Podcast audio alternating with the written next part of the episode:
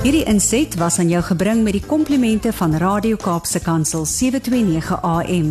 Besoek ons gerus by www.cape pulpit.co.za. Goeiedag en baie welkom by die program. Ons program se naam is Markplek Ambassadeurs. Jy luister na Radio Kaapse Kansel 729 AM. Ek is Harm Engelbrecht van CBMC Suid-Afrika en CBMC is die Christian Business Men's Connection.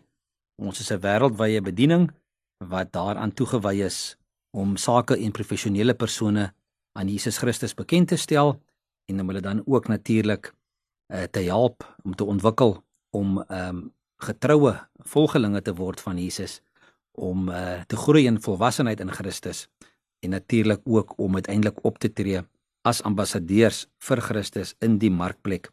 En dit is ook waaroor hierdie program gaan. Dit gaan oor die markplek ambassadeurs. Ek is besig met 'n reeks um, in hierdie program wat gaan oor Bybelse leierskap en ons leer 'n paar lesse um, wat ons nie moet doen nie en wat ons moet doen uit 'n paar Bybelse uh, karakters en ons is besig hier in uh, Konings op die oomblik, daar by 1 Konings hoofstuk 3 En ons het verlede week so 'n bietjie begin gesels oor Salomo. En ek wil vandag net uh aangaan waar ek laasweek geëindig het. Ons het verlede week gesels oor momentum. Nou ja, laat ons nou die momentum behou en laat ek gou weer net optel by Salomo. Ehm um, toe Salomo aangestel is as koning, was hy ongeveer 18 jaar oud. En Salomo het ehm um, offers gebring. En Die Here het in, in het in die nag ehm um, in Gibeon, daar waar Salomo was, het die Here aan hom verskyn in 'n droom. En hy het vir hom gesê, "Wat wil jy hê moet ek vir jou gee?" Nou, ons het verlede week hierna gekyk, maar ek wil net weer aansluit daarbey. Want ons het nie heeltemal klaar gepraat oor hierdie versoek van van Salomo nie. En en toe die Here vir Salomo vra, "Wat moet ek vir jou gee?" Hierdie 18-jarige jong man wat nou koning gaan raak van God se uitverkore volk, van van die volk Israel, Toe sê Salomo die volgende vir die Here. Hy sê vir hom: "U het trou aan my vader Dawid bewys. Hy was in sy lewe getrou en gehoorsaam en opreg teenoor u. U het hierdie groot trou aan hom bewys en vir hom 'n seun gegee wat vandag op sy troon sit. Here my God, u het my koning gemaak in my vader Dawid se plek, maar ek is nog jonk en onervare en ek moet regeer oor die volk wat u uitge wat deur u uitgekies is. 'n Groot volk te veel om te tel.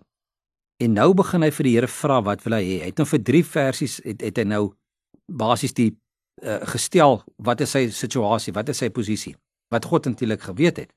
En toe sê hy in vers 9, vra hy vir die Here: "Gee my die gehoorsaamheid aan U dat ek U volk sal regeer en in alles insig sal hê." Van wie kan uit homself hierdie groot volk van U regeer?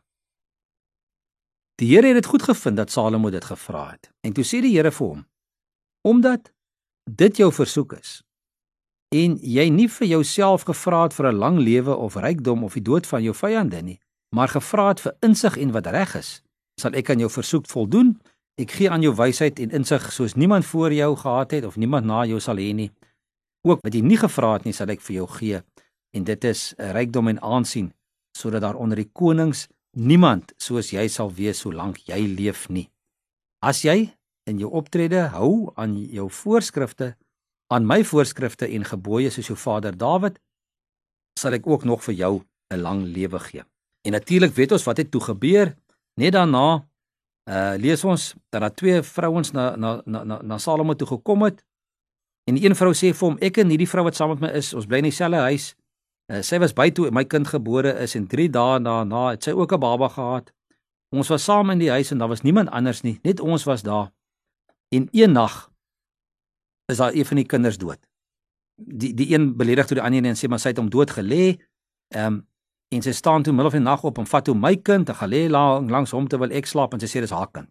So nou is hierdie een kind is hier, ons is twee vrouens, wie se kind is dit nou hierdie? Dat is dit hierdie saakie oplos. En ons het verlede week hierby geëindig waar Salomo gesê het, "Maar bring vir my 'n swaard. Sny die kind in twee en gee vir elkeen 'n helfte." En dan sê vers 26, "Maar die ma wat die kind eh, van die kind wat lewe, het by die koning gesmeek. Haar hart het in mekaar gekrimp oor die lot van haar baba en sy het gesê, "Asseblief, u majesteit, Gee die seentjie wat lewe maar vir haar, maar moet hom tog net nie doodmaak nie. Maar die ander vrou het gesê: "As ek hom nie kan kry nie, kan jy hom ook nie kry nie, sny hom middeldeur." Toe sê die koning: "Moenie die kind doodmaak nie. Gee hom vir die een wat daar staan, sy is die ma." Natuurlik die een wat wat die kind wou beskerm is toe uiteindelik die ma van die kind. So Salomo het gebid vir wysheid, het hy dit gekry, hy los onmiddellik 'n probleem op. Wat sou jy gekies het as God aangebied het om vir jou enigiets te gee wat jy vra? Koning Salomo het vir hierdie probleem te staan gekom. Sy eerste uitdaging toe hy koning geword het. Daar staan: "Wat wil jy hê moet ek vir jou gee?" het God vir Salomo een nag in 'n droom gevra. En Salomo neem alreeds die wyse besluit deur nog meer wysheid te vra om oor die volk Israel te regeer. God het nie net aan hierdie versoek voldoen nie, maar hom ook gegee waarvoor hy nie gevra het nie, naamlik rykdom, aansien, 'n lang lewe en oorwinnings. Salomo se wysheid het hom gehelp om besluite te neem wat tot sy mense se voordeel was Sy wysheid het hom gehelp om die regte amptenare in sy in sy uh, uh konings koninkryk of in sy hofhouding aan te stel. Dit het hom ook gehelp om wys te oordeel tussen strydende partye en ook om te besef wat belangrik is en om dinge in perspektief te sien. Salomo het geleentheid gekry om sy wysheid te demonstreer toe twee vrouens by hom aankom en albei daarop aanspraak maak dat hulle die kind is. En met dit wat ons nou net gelees het, sien ons dat Salomo se insig so gebruik het dat die alles oorheersende moederinstink uiteindelik geseëvier het om vas te stel wie werklik die die ma van daai kind is. Nou ja, aan die begin van Salomo se bewind weet ons nou die God nou aan hom 'n aanbod gemaak het en gesê het wat wil jy hê?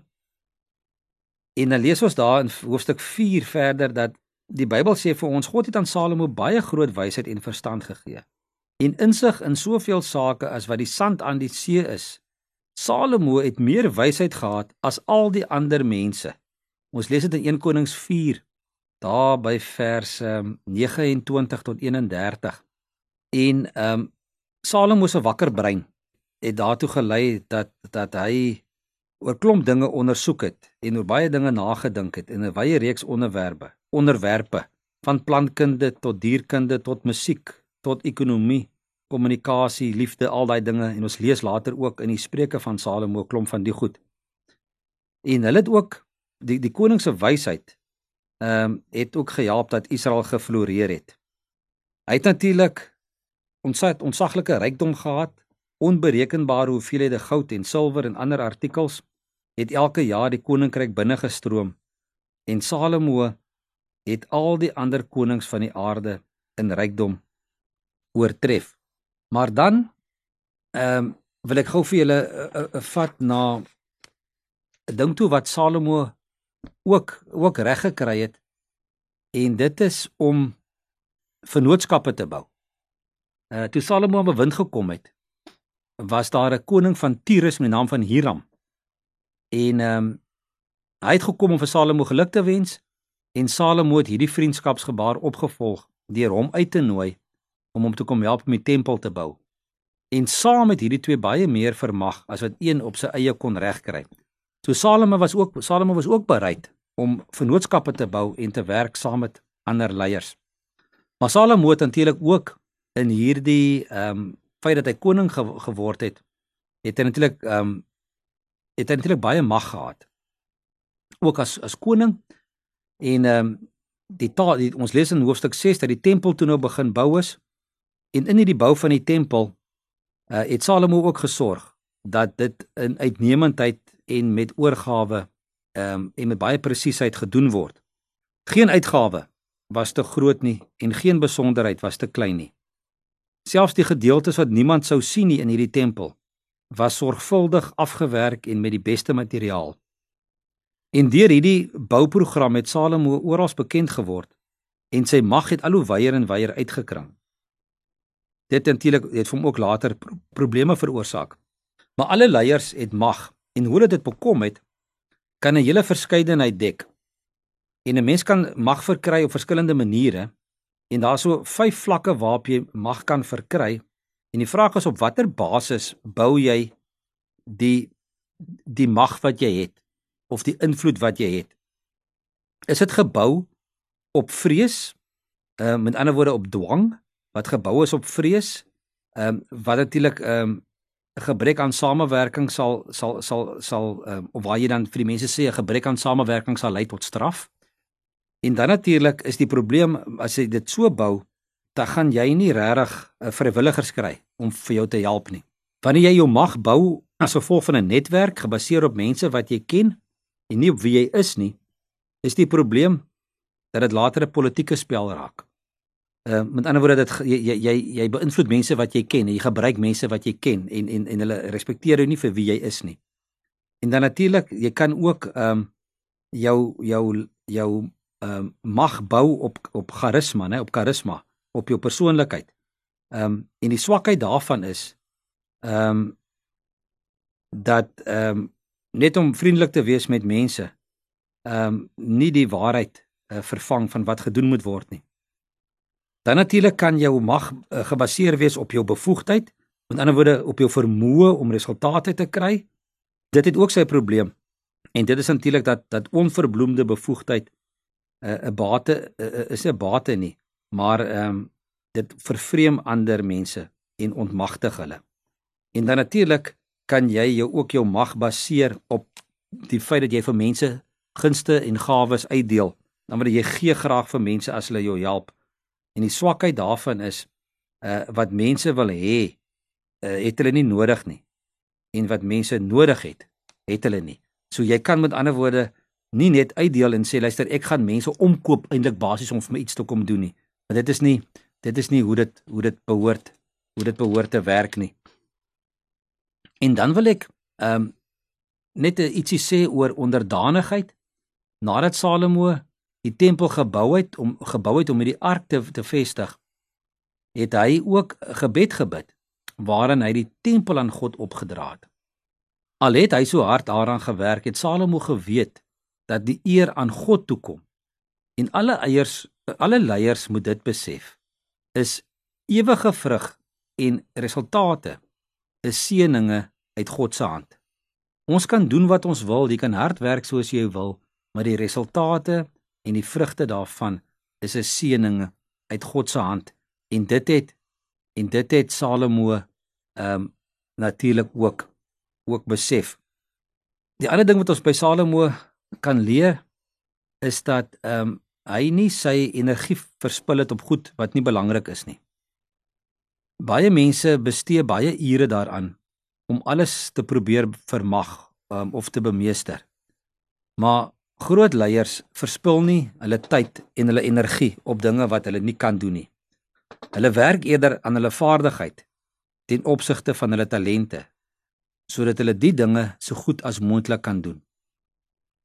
Salomo het volgens hierdie beginsel geleef. God het hom van die wysste en rykste konings ooit gemaak in sy tyd. En heersers van oor die hele wêreld het hom kom besoek. Um, en om van sy ry wat want hulle het van sy wysheid en sy rykdom gehoor en met hom in aanraking gekom. Van oral af het leiers gekom om dit te doen, om om hom te kom ontmoet. Salomo het ander mense ryklik in sy wysheid en rykdom laat deel en sy omgang wyd omvangryke kennis en diepgaande insig het gou bekend geword. Maar waaraan was Salomo se roem toe te skryf? Hy het gekonsentreer op wat hy die beste kon doen en en en en nou lees ons hier in Maxwell se leierskap Bybel. Hy sê verstandige leiers kan dit ook noem, ook doen en hy praat van 'n 70 25 5 beginsel. Hy sê jy moet 70% van jou tyd afstaan aan die areas waar jou sterkpunte lê. So 70% van jou tyd doen jy dit wat jy kan doen en wat jy goed doen. 25% van jou tyd spandeer jy aan areas in jou lewe waar jy graag sal wil verbeter. En 5% van jou tyd spandeer jy aan jou swakpunte? Nou hoeveel keer sit ons nie as gevolg van hardkoppigheid, as gevolg van moedswilligheid, ons wil nie vir hulp vra nie, dan spandeer ons 'n hele dag om 'n ding te probeer uitfigure wat ons net iemand kon bel het kon gebel het en gevra het, luister kom doen dit vir my en sorteer dit gou vir my uit uh, binne binne 'n paar minute. Ons moet besef ons is nie kenners op alle gebiede nie. Ja, ons is maar soms hardkoppig en ons wil alles probeer doen, maar ons weet ook dat Salomo ook rondom hom raadgewers gehad het wat ook daai dinge vir hom kon kon uitsorteer en doen waarop hy nie die beste was nie. Salomo het ook ander leiers beïnvloed en so sy visie deur hulle vermenigvuldig. Ons moet sorg dat ons iets het om by te dra wanneer iemand ons ook vir hulp vra. En ons moet ook vir onsself vra, wat is die beste bydrae uh wat ons aan die wêreld kan bied? En ons moet vir onsself vra, wat wil ons bereik? En hoe kan ons ander leiers tot diens wees? Want saam groei 'n mens beter. Op ons eie gaan ons gaan ons op 'n eilandjie sit en ons gaan ons gaan onsself begin isoleer en ons gaan nie groei en ontwikkel nie.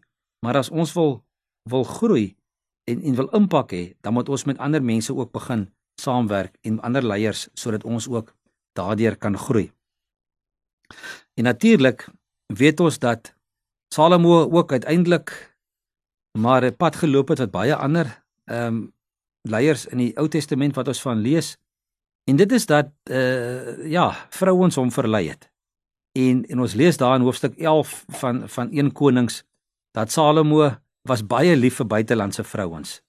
Ehm um, hy was met die dogter van die farao getroud, maar hy het ook vrouens uit die Moabiete, Ammoniete, Edomiete, Sidoneërs en Hetiete gehad.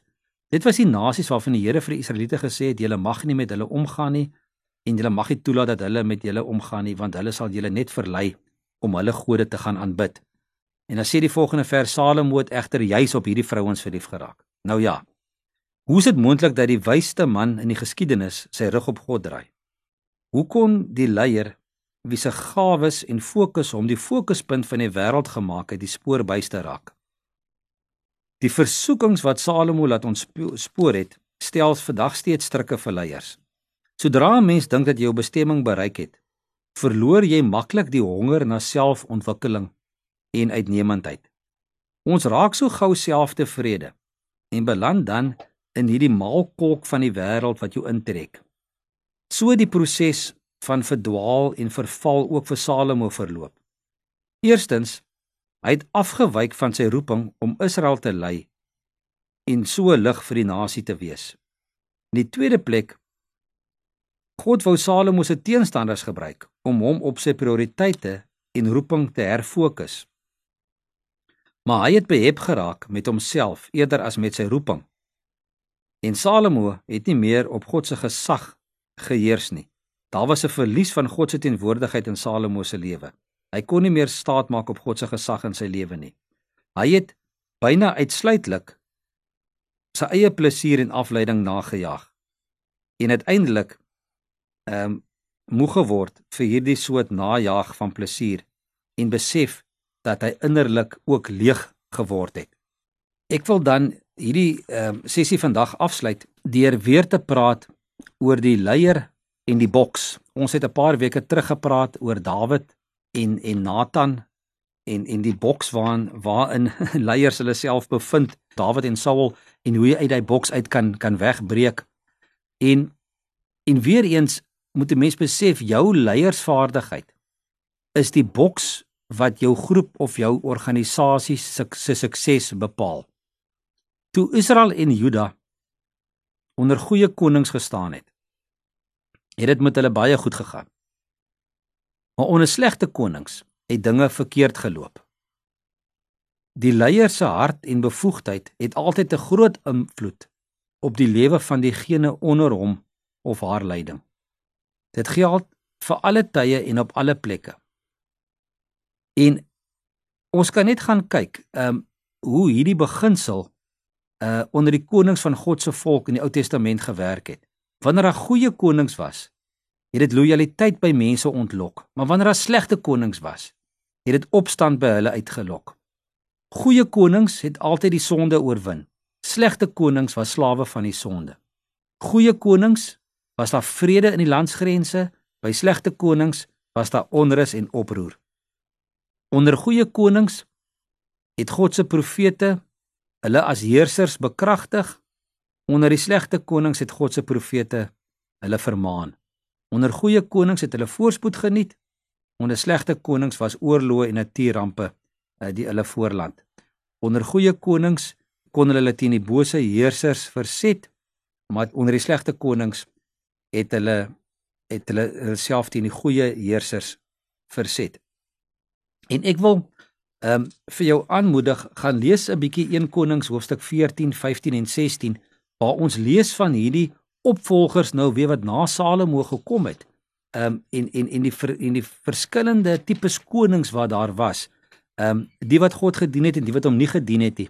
En dan wil ek hê ons moet volgende week 'n uh, bietjie daarna kyk deur die verskillende fases waardeur die volk gegaan het onder die, onder die verskillende uh, tipes leiers. Maar ons moet nou eers weer afsluit. Ons tyd het uitgeloop. Baie dankie dat jy weer saam met my uh gekuier het vandag in ons program Markplek Ambassadeurs. Ehm um, as jy met ons wil kontak maak, stuur gerus vir my 'n e-pos na admin@cbmc.co.za. En hiermee groet ek julle tot 'n volgende keer. Totsiens. Hierdie inset was aan jou gebring met die komplimente van Radio Kaapse Kansel 729 AM. Besoek ons gerus by www.cape pulpit.co.za.